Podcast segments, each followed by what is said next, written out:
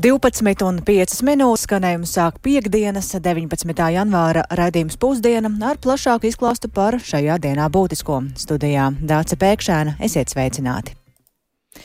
Par drošību, tā skaitā vienotu pieeju kritiskās infrastruktūras aizsardzībai, kā arī sauszemes un jūras transporta savienojamību Baltijas reģionā. Šodien pulcējoties Rīgā spriež Latvijas, Igaunijas un Lietuvas valsts parlamentārieši. Deputāti tiekas Baltijas asamblējas drošības un aizsardzības, kā arī ekonomikas, enerģētikas un inovācijas komiteja kopīgā sēdē, lai pēcāk sagatavot arī ieteikumus valstu valdībām. Vairāk par to Jāņa Kīņš ierakstā. Sēdē plānots spriest par kritiskās infrastruktūras aizsardzību, energoapgādes inženiertīkliem, transporta tīkliem, informācijas un sakaru sistēmām, kā arī zemūdens infrastruktūras aizsardzību.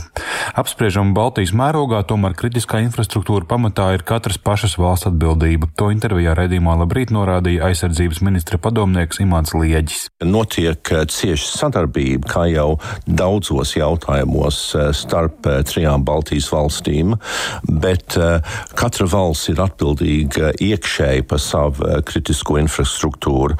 Un uh, Latvijā ir arī izstrādāti uh, plāni, lai uh, nodrošinātu uh, nepārtrauktību uh, kritiskajā infrastruktūrā. Šie plāni uh, nepaliek vienkārši uz plaukt, bet uh, ar vingrinājumiem, piemēram, kā namēju.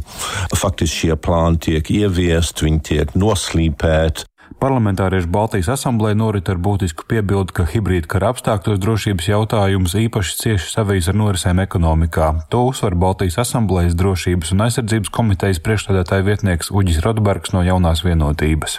Un tādā šaurākā nozīmē mēs skatāmies uz kritiskās infrastruktūras kopējiem aizsardzības plāniem, piemēram, Rail Baltica vai informatīvās sistēmas, komunikācijas sistēmas un uh, enerģētika.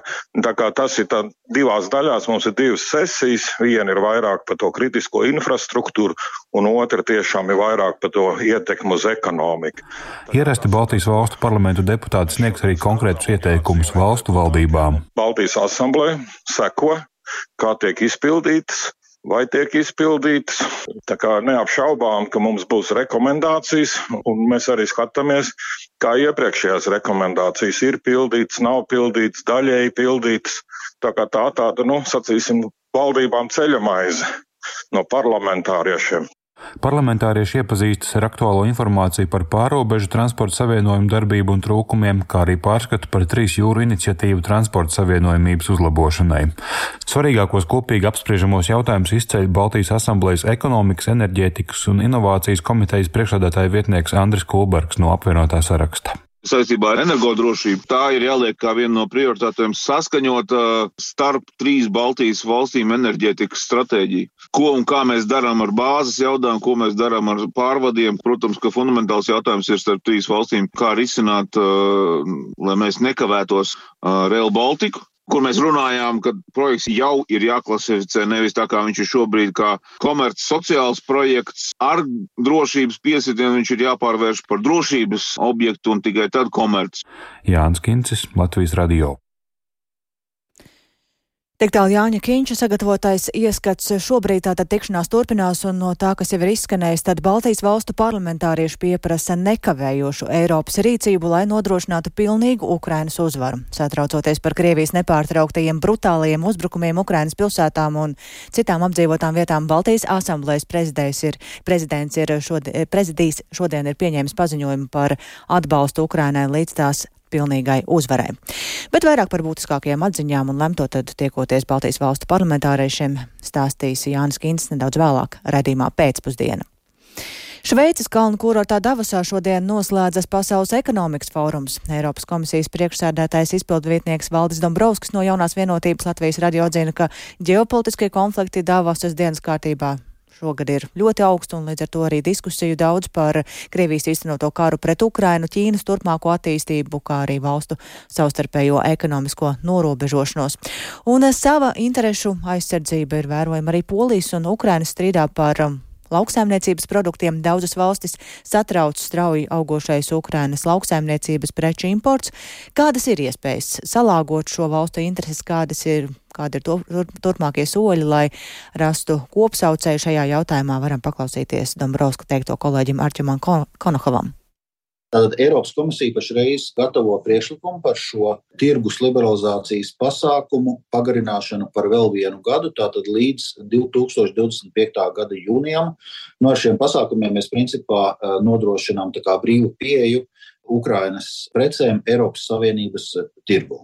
Un tieši tā ir bažas no, no Polijas, no atsevišķām citām valstīm eh, par eh, strauji pieaugušo lauksaimniecības preču importu no uh, Ukrainas, un attiecīgi mēs šos jautājumus pārunājam. Tad no vienas puses mēs virzīsimies šo priekšlikumu par šo tirniecības liberalizācijas pasākumu pagarināšanu. Uh, no otras puses, mēs paredzam arī papildus drošības mehānismus, nu, lai nepieciešamības gadījumā mēs varētu reaģēt, ja ir kaut kādas nu, teiksim, problēmas vai turbulences Eiropas Savienības tirgū. Turklāt eh, šoreiz mēs paredzam mehānismu, kas eh, attiecās ne tikai uz Eiropas Savienības eh, tirgu kopumā, jo mēs redzam, ka nu, šie efekti attiecībā uz Ukraiņas lauksaimniecības precēm ir nu, geogrāfiski ļoti nevienmērīgi sadalīti, un pamatā tā ir problēma tieši Ukraiņas tiešām kaimiņu valstīm. Un, attiecīgi, mēs paredzam arī drošības mehānismus, ja ir kaut kādas, teiksim, tirgus problēmas arī vienā atsevišķā dalību valstī vai dažās dalību valstīs. Nu, tātad, lai ņemtu vērā tās bažas, ko pauž Polija un vairākas citas valstis. Kad varētu nākt klajā šis priekšlikums no komisijas? Tātad, nu, ja viss virzīsies pēc plāna, tas varētu būt jau nākošais nedēļa. Tā Eiropas komisijas priekšsādātājs izpildvietnieks Valdis Dombrovskis no jaunās vienotības, bet turpinot par Ukrainu, tā ir šobrīd sabiedroto un arī katra līdzcilvēks sniegtais atbalsts ir īpaši svarīgs, un tāpēc no Latvijas šodien uz Čerņihiju sāk transportēt elektroapgādes atbalsta materiālus teju 100 tūkstošu eiro apmērā. Tie ir iegādāti ziedojuma kampaņā un tajā pērngada pēdējos divos mēnešos, lai atbalstītu Ukrainas sabiedrību sadarbībā ar Ukrainas vēstniecību un ziedot LV. Elektrum īstenotā kampaņā par katru dabasgāzes pakalpojumu līgumu viens eiro nonāca Ukrainas atbalstam. Šobrīd esam sazinājušies ar Latvijas vēstnieku Ukrainā Ilgvaru Kļavu. Labdien! Labdien! Ko nozīmē šie elektroapgādē nepieciešamie materiāli, kas īsti tiek sūtīts uz Ukrainu un cik būtiski tas šobrīd ir Ukrainai? Uh, nu, tas ir tā, tā ir tāda elektrosistēmas uh, sastāvdaļas, tur pieslēgums, skati, apakšsadales skati uh, un, un, un detaļas no šīs elektroapgādes sistēmas ļoti nepieciešama noteikti. Tāpēc, kad Krievijas agresijas rezultātā daudz kas no, no Čeņģa apgabala mm, šīs energoapgādes sistēmas tika, tika bojātas un, un, un, un bija nodarīti zaudējumi. Uh, un uh, katrā ziņā Čenīgavas apgabals, apgabals būs ļoti priecīgs, iedzīvotāji būs ļoti priecīgi par šo palīdzības sūtījumu.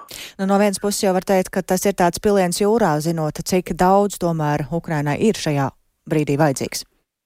Nē, nu, protams, bet uh, katrs, katrs solis uh, kaut ko nozīmē. Katrs solis pareizajā virzienā nozīmē ļoti daudz, un arī, arī, arī šis sūtījums nozīmē ļoti daudz.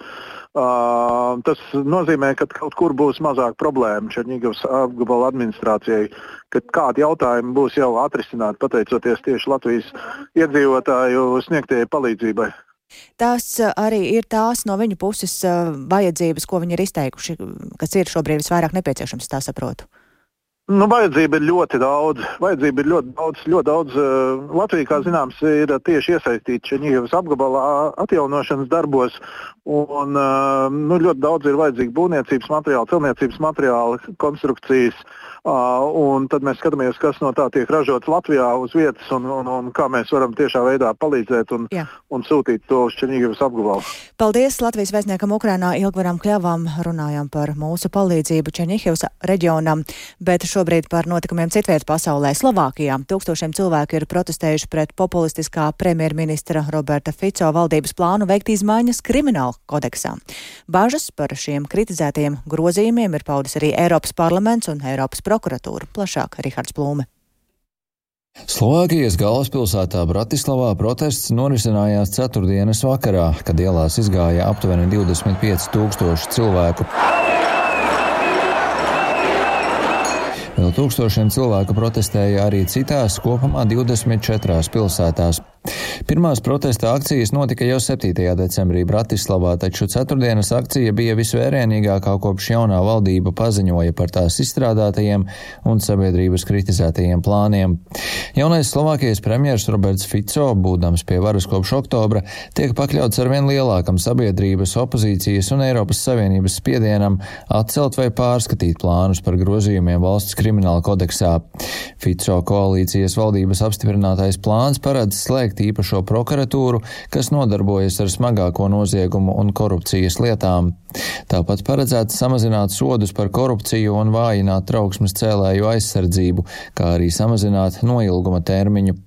Paredzēts, ka lietas no speciālās prokuratūras pārņems reģionālās prokuratūras, kas ar šādiem noziegumiem, tostarp organizēto noziedzību un ekstrēmismu, nav nodarbojušās 20 gadus. Lai pieņemtu šos grozījumus, koalīcija vēlas izmantot pātrināto parlamentāro procedūru.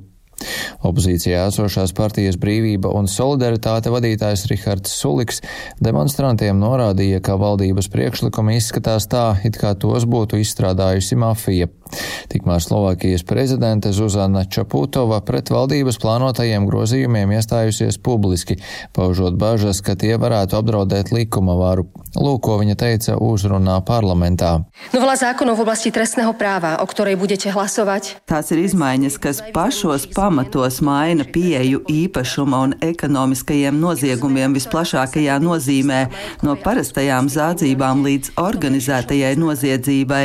Nepareizs vai pilnībā nesagatavots uzstādījums var radīt neprognozējumu kaitējumu sabiedrībai un neatgriezenisku iejaukšanos to personu tiesībās, kuras cietušas no noziedzīgām darbībām.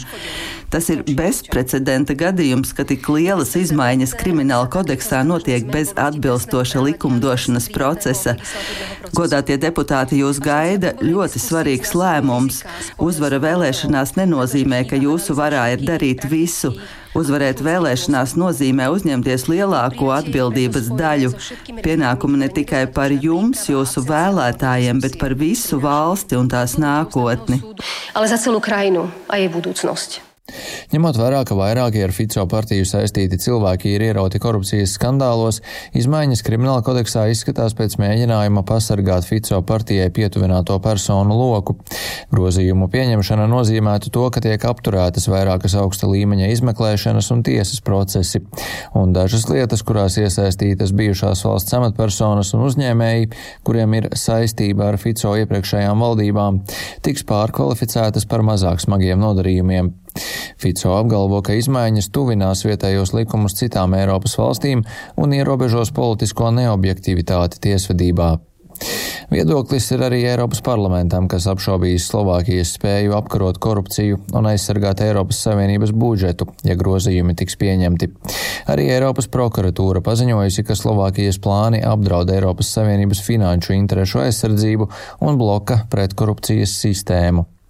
Rihards Plūme, Latvijas radio. Tikmēr pašmājās joprojām daudz neskaidrību ir par Varakļānu un Madonas novada apvienošanu, tāpat arī finansiālās situācijas dēļ ir neskaidra Rēzeknes nākotne. Šos un citus jautājumus klātienē šodien pārspriež vīdes aizsardzības un reģionālās attīstības ministra Inga Bērziņa no jaunās vienotības viesojoties Rēzeknē, Varakļānu un Madonas novadā. Par novadu apvienošanu ministre cer uzklausīt iedzīvotāju viedokli, lai gan Latgales sabiedriskās organizācijas jau ir iesniegušas atklātu vēstuli, aicinot ministri skatīt jautājumu par atsevišķu atsevišķa Varakļāna novada saglabāšanu, un vairāk par šiem jautājumiem intervijām Latgales studijas kolēģiem stāsta Bērziņa. Mērķis ir tieši risināt varakļānu jautājumu un aprunāties ar iedzīvotājiem gan Rēzeknas novadā, un arī ar pašvaldību, gan eh, Madonas novadā, gan arī varakļānos mēs būsim un arī Murmastienē. Eh, tad, eh, ko cilvēki visvairāk vēlas, kurš tad ir tas novads, kurā viņi vēlētos labāk iekļauties? Un jāsaka, ka šī brīža aptaujas rāda, ka no tiem, kas piedalījās balsojumā vai viedokļu izteikšanā, 95% no varakļānu iedzīvotājiem iedzīvotājiem vēlas, eh, lai tiktu pievienoti Madonas novadam. Bet, eh, kā mēs šodien sadzirdējām Rēzekņas novadā, tad Rēzekņas eh, novads pauda vēstījumu, kuras vēlos arī pateikt, ka Rēzekņas novads ir atvērts un varakļā novada iekļaušanai un labprāt viņus arī mīl un ņemt pretī. Bet, nu, tā kā jāievērtē arī tas, ko cilvēki domā un vēlas šajā gadījumā, un ir saprotams, ka Varakļānu iedzīvotāji ilgstoši ir bijuši savulaik Madonas rajonā, un tāda nu, emocionālā saikne bieži vien izveidojās ar to nu, šī brīža novada centru, ar ko tev ir bijusi vēsturiska saistība. Bet, protams, ka Varakļāni ir arī, arī Latvijas zemes. Līdz ar to tas jautājums nav vienkāršs. Esam saņēmuši šo Latvijas kongresa vēstuli, kuri aicina mūsu Varakļānu novadu atstāt kā patstāvīgu novadu. Šobrīd mēs to nesaredzam, jo Varakļānu novads īsti neatbilst ATR kritērijiem, lai veidotu to kā atsevišķu novadu. Līdz ar to mēs kā varam ministrijā iesim ar likuma projektu, kurš paredz Varakļānu iekļaušanu Madonas novadā. Jāsaka, ka Varakļāna tikai viens no jautājumiem. Mēs pārnājām ļoti daudz jautājumus eh, Reizeknas novada domē, gan par kopējo budžeta situāciju, kāds ir pašvaldībām, un eh, esam pilnīgi viensprāts ar Reizeknas novada domi, ka ir jādomā par pašvaldību finansiālo bāzi, lai pašvaldības justos stabilākas, jo šogad sadzirdam eh, no daudzām pašvaldībām viedokļus, ka grūti ir izveidot un budžetu sabalansēt gan dēļ minimālās algas pieauguma, gan dēļ procentu maksājuma pieauguma, gan arī deinstitucionalizācijas projekts pašvaldības policija. Nu, ir vairākas jaunas funkcijas. Tāpēc um, noteikti strādāsim kopā pie finanšu izlīdzināšanas modeļa jaunā, kur, protams, galvenais um, šajā gadījumā ir finanšu ministrija, bet jebkurā gadījumā cieši sadarbosimies. Um, tad uh, Reizeknas novadā pārunājām arī jautājumus, kas ir saistīti ar nākotnē plānoto Reizeknas novada un valsts pilsētas apvienošanu, kas ir plānota 2029. gadā šobrīd pēc likuma. Sadzirdējām gan no valsts pilsētas opozīcijas deputātiem, gan no Reizeknas novada, kā viņu vēlme būtu, lai ir arī šis 29. gads, lai nenotiek tas ātrāk, kā varbūt ir iepriekš izskanējis. Nu, šobrīd Mums kā ministrijai nav iecerē mainīt termiņus. Nu, situācija nav vienkārši valsts pilsētā. Vēlreiz vēlos uzsvērt, ka Bartaševits kungsim kopā Latvijai ir iepriekšējos gados noveduši Reizeknas pašvaldību līdz bankrota situācijai, un ir par šo jāuzņems atbildība. Nevis kā mēs novērojām, gada beigās apzināti jāiet uz domas atlaišanu. Strādāt viņi ir sākuši, bet jāspēj arī pieņemt lēmumu, lai šo budžetu sabalansētu. Šobrīd līdz 22. janvārim tiek gaidīts Finanšu ministrijā sabalansēts budžets, un 24.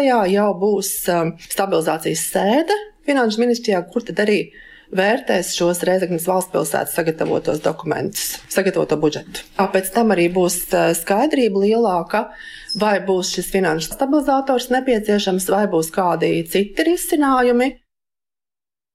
Tālāk vidas aizsardzības un reģionālās attīstības ministra Inga Bērziņa, bet par citām nedēļām reģionos. Šodien Alūksnē ir atcelta astoņi autobusu reisi. Kopumā pēdējo dienu laikā tie ir 24 braucieni. Iemesls esot uzņēmumā Gulbenas autobusu slimojošie šoferi un, lai problēmas risinātu pašvaldības skolēniem vairākas reizes jau esot norīkojusi savu transportu.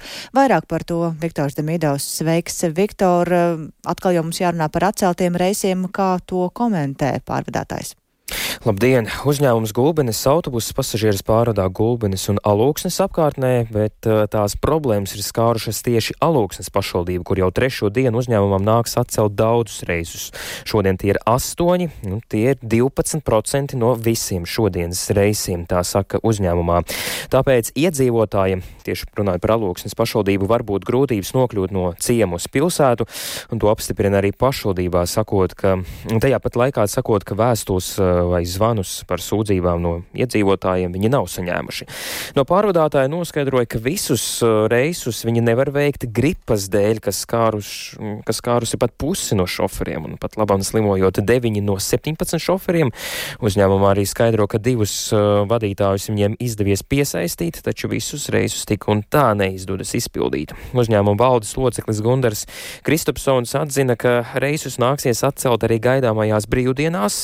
To skaits gan būs būs mazāks nekā šajās dienās, respektīvi astoņi, kā šodien nebūs atcelti. Taču pirmdien situācija varētu uzlaboties, jo uzņēmums sagaidot divus šoferus klāt. Tāpēc iespējams jau pirmdien Alūksnes pašvaldībā varētu izpildīt reisus vairāk. Paldies Viktoram Demīdovam un uh, izskatās, ka Būs problēma nokļūt līdz, uh, es cerams, cerams, ka nebūs problēma nokļūt līdz alūksnē tiem, kas vēlas um, nokļūt uh, rallijā, jo šajā nedēļas nogalē starts tiek dots Latvijas rallija čempionāta jaunajai sezonai, kas nu jau ierasti sākas ar sacensībām alūksnes apkaimes ceļos un laikapstākļi tam, lai varētu sarīkot ziemas ralliju šogad ir atbilstoši un arī dalībnieku pulks gana kupls, lai līdzjutējus priecētu interesantas sacensības. Un plašāk par gaidāmo ralliju stāsta Māris Bergs. Rallijas alūksne norisināsies jau 11. reizi. Tiesa, pēdējo pāris gadu laikā šis posms Latvijas čempionātā vairāk kārt ir pārcelts uz citu laiku vai pat atcelts pavisam. Ir bijuši gadi, kad sacensības nevar risināties ziemai neatbilstošu laikapstākļu dēļ, bet Covid-19 pandēmijas gados bija jārēķinās ar pulcēšanās ierobežojumiem un masu pasākumu aizliegumiem. Šogad viens no rallija organizatoriem Jūris Osis ar pārliecību var teikt, ka apstākļi ziemas rallijam būs piemēroti. Nu, jau var teikt, ka ir ideāli un viss būs kārtībā. Šie gadi ir devuši tādas mums potas, ka mēs esam izbazūnējuši, ka viss kārtībā un viss ir tā zima ir atkāpusies. Tur kā vajag. Nu, varbūt vienīgais tās kupanas tagad šogad, kā sakarā to atkusniņas būs cietākas, nu nebūs tādas, priekšsportistiem, kur atspiesties. Meklējam kaut ko jaunu, ja, ja neatrodam jaunu ceļu, tad kaut kādas sasaistes, meklējam citas. Nu, protams, 11 gadi arī ir, tas jau ir daudz, to ceļu ir tik, cik viņi ir tajā novadā. Un, un, bet Katru gadu ir kaut kas interesants. Šogad arī būs arī viens posms, kas vispār nav bijis nu, pusposms. Neskatoties uz dažādām problēmām iepriekšējos gados, kas bijušas ārpus rīkotāju kontroles, rallija organizatori nesūdzas par atbalstītāju un arī skatītāju intereses trūkumu. Skatītāji ir izsalkuši, nu, nav bijis tā, ka mēs varētu sūdzēties. Nu, ja nu vienīgi augsta ziema būs, bet tā, nu, nē. Tie trīs gadi, nu, protams, deva savu, bet, nu, nē, pagājušajā gadā jau viss bija kārtībā. Jā, ar katru gadu paliek vieglāk. It kā nu, vietējie ir atbalsta, viņi redz mūsu cīņas par, nu, nāk paši, nu, citus uzrunājam, bet nu, ir viss kārtībā. Sacensības alūksnes pusē sāksies jau šovakar, vispirms svinīgā atklāšanas ceremonija, bet uzreiz no tās ekipāžas jau dosies aizvadīt pirmos divus ātrumposmus, braucot tumsā. Sacensībām pieteikusies 91 ekipāža, ieskaitām vēsturisko spēkratu klases. No labākajām latviešu ekipāžām nav pieteicies tikai Mārtiņš Sēsks, Renārs Francis, kuri alūksnē uzvarēja pērn. Visi pārējie stiprākie pašmāju braucēji būs ierindā. Tāpat startēs komandas no Igaunijas. Lietuvas, arī Polijas un Ukrainas. Vairāki no Latvijas čempionāta dalībniekiem vasarā cer piedalīties arī pasaules čempionāta jeb VRC posmā. Publiski par to izteikušies Emīls Blūms un Matīs Mežaks. Savulaik par Latvijas čempionu rallijā kļuvušais Mežaks alūksnē startēs gatavojoties tieši VRC. Nebijām plānojuši īstenībā startēt alūksni. Gribējām sarunu braukt ar Skodu. To arī laikam darīsim, bet um, Škodas tests vai nobraukt ar BMW alūksni izmaksu ziņā ir ļoti līdzīga, tāpēc izvēlējāmies alūksni. Patestēsim riepas vienkārši, bet uz citas automašīnas. Un, nu, jā, piekdien izlēmām, kad vajag piedalīties, jo tieši tā apstākļi ir perfekti un negribās laist garām tādu iespēju. Mans šī gada plāns ir tikt līdz startam RC rallijā ar, ar tādu škodu, tāpēc katrs nobrauktais kilometrs man nāks pa labu. Plānu neatmetīšu, es, es būšu uz starta. Pagaidām vēl viss budžets nav savākts, bet strādājam pie tā un gan jau tiksim Kopumā Lūksnes rallijas šogad sastāvēs no desmit ātrumposmiem. Pirmie divi jau šovakar, bet atlikušie astoņi ātrumposmi notiks sestdien, kad arī noskaidrosies rallija uzvarētāji. Latvijas čempionāta sezona šogad sastāvēs no sešiem posmiem. Nākamais rallijas februārī ir tradicionālais rallijas sārma gulbenes pusē, bet augusta pirmajā pusē notiks arī rallijas cēsis. Vēl trīs posmi Latvijas čempionāta ieskaitē notiks kaimiņu valstīs, divi Igaunijā, bet gada noslēdzošais rallija rallijas septembra beigās Lietuvā. Māris Bergs, Latvijas radio. Tas tātad par to, ka šovakar sākas sezonas pirmais rallies Rallija Alūksne, bet šobrīd izskan raidījums pusdiena. To producēja Lauris Zvēnieks, ierakstus montēja Uldis Grīnbergs, par labskaņu rūpējās Īveta Zvēniece un ar jums sarunājās Dāca Pēkšēna. Atgādināšu arī to, ka raidījumu pusdiena kā allaža var meklēt arī Latvijas radio mobilajā lietotnē, atrodot dienas ziņas, un tāpat arī Latvijas radio ziņām var sekot līdzi sabiedrisko mediju ziņu portālā un arī Latvijas radio sociālajos tīklos. Uztikšanos jau nākamajā nedēļā.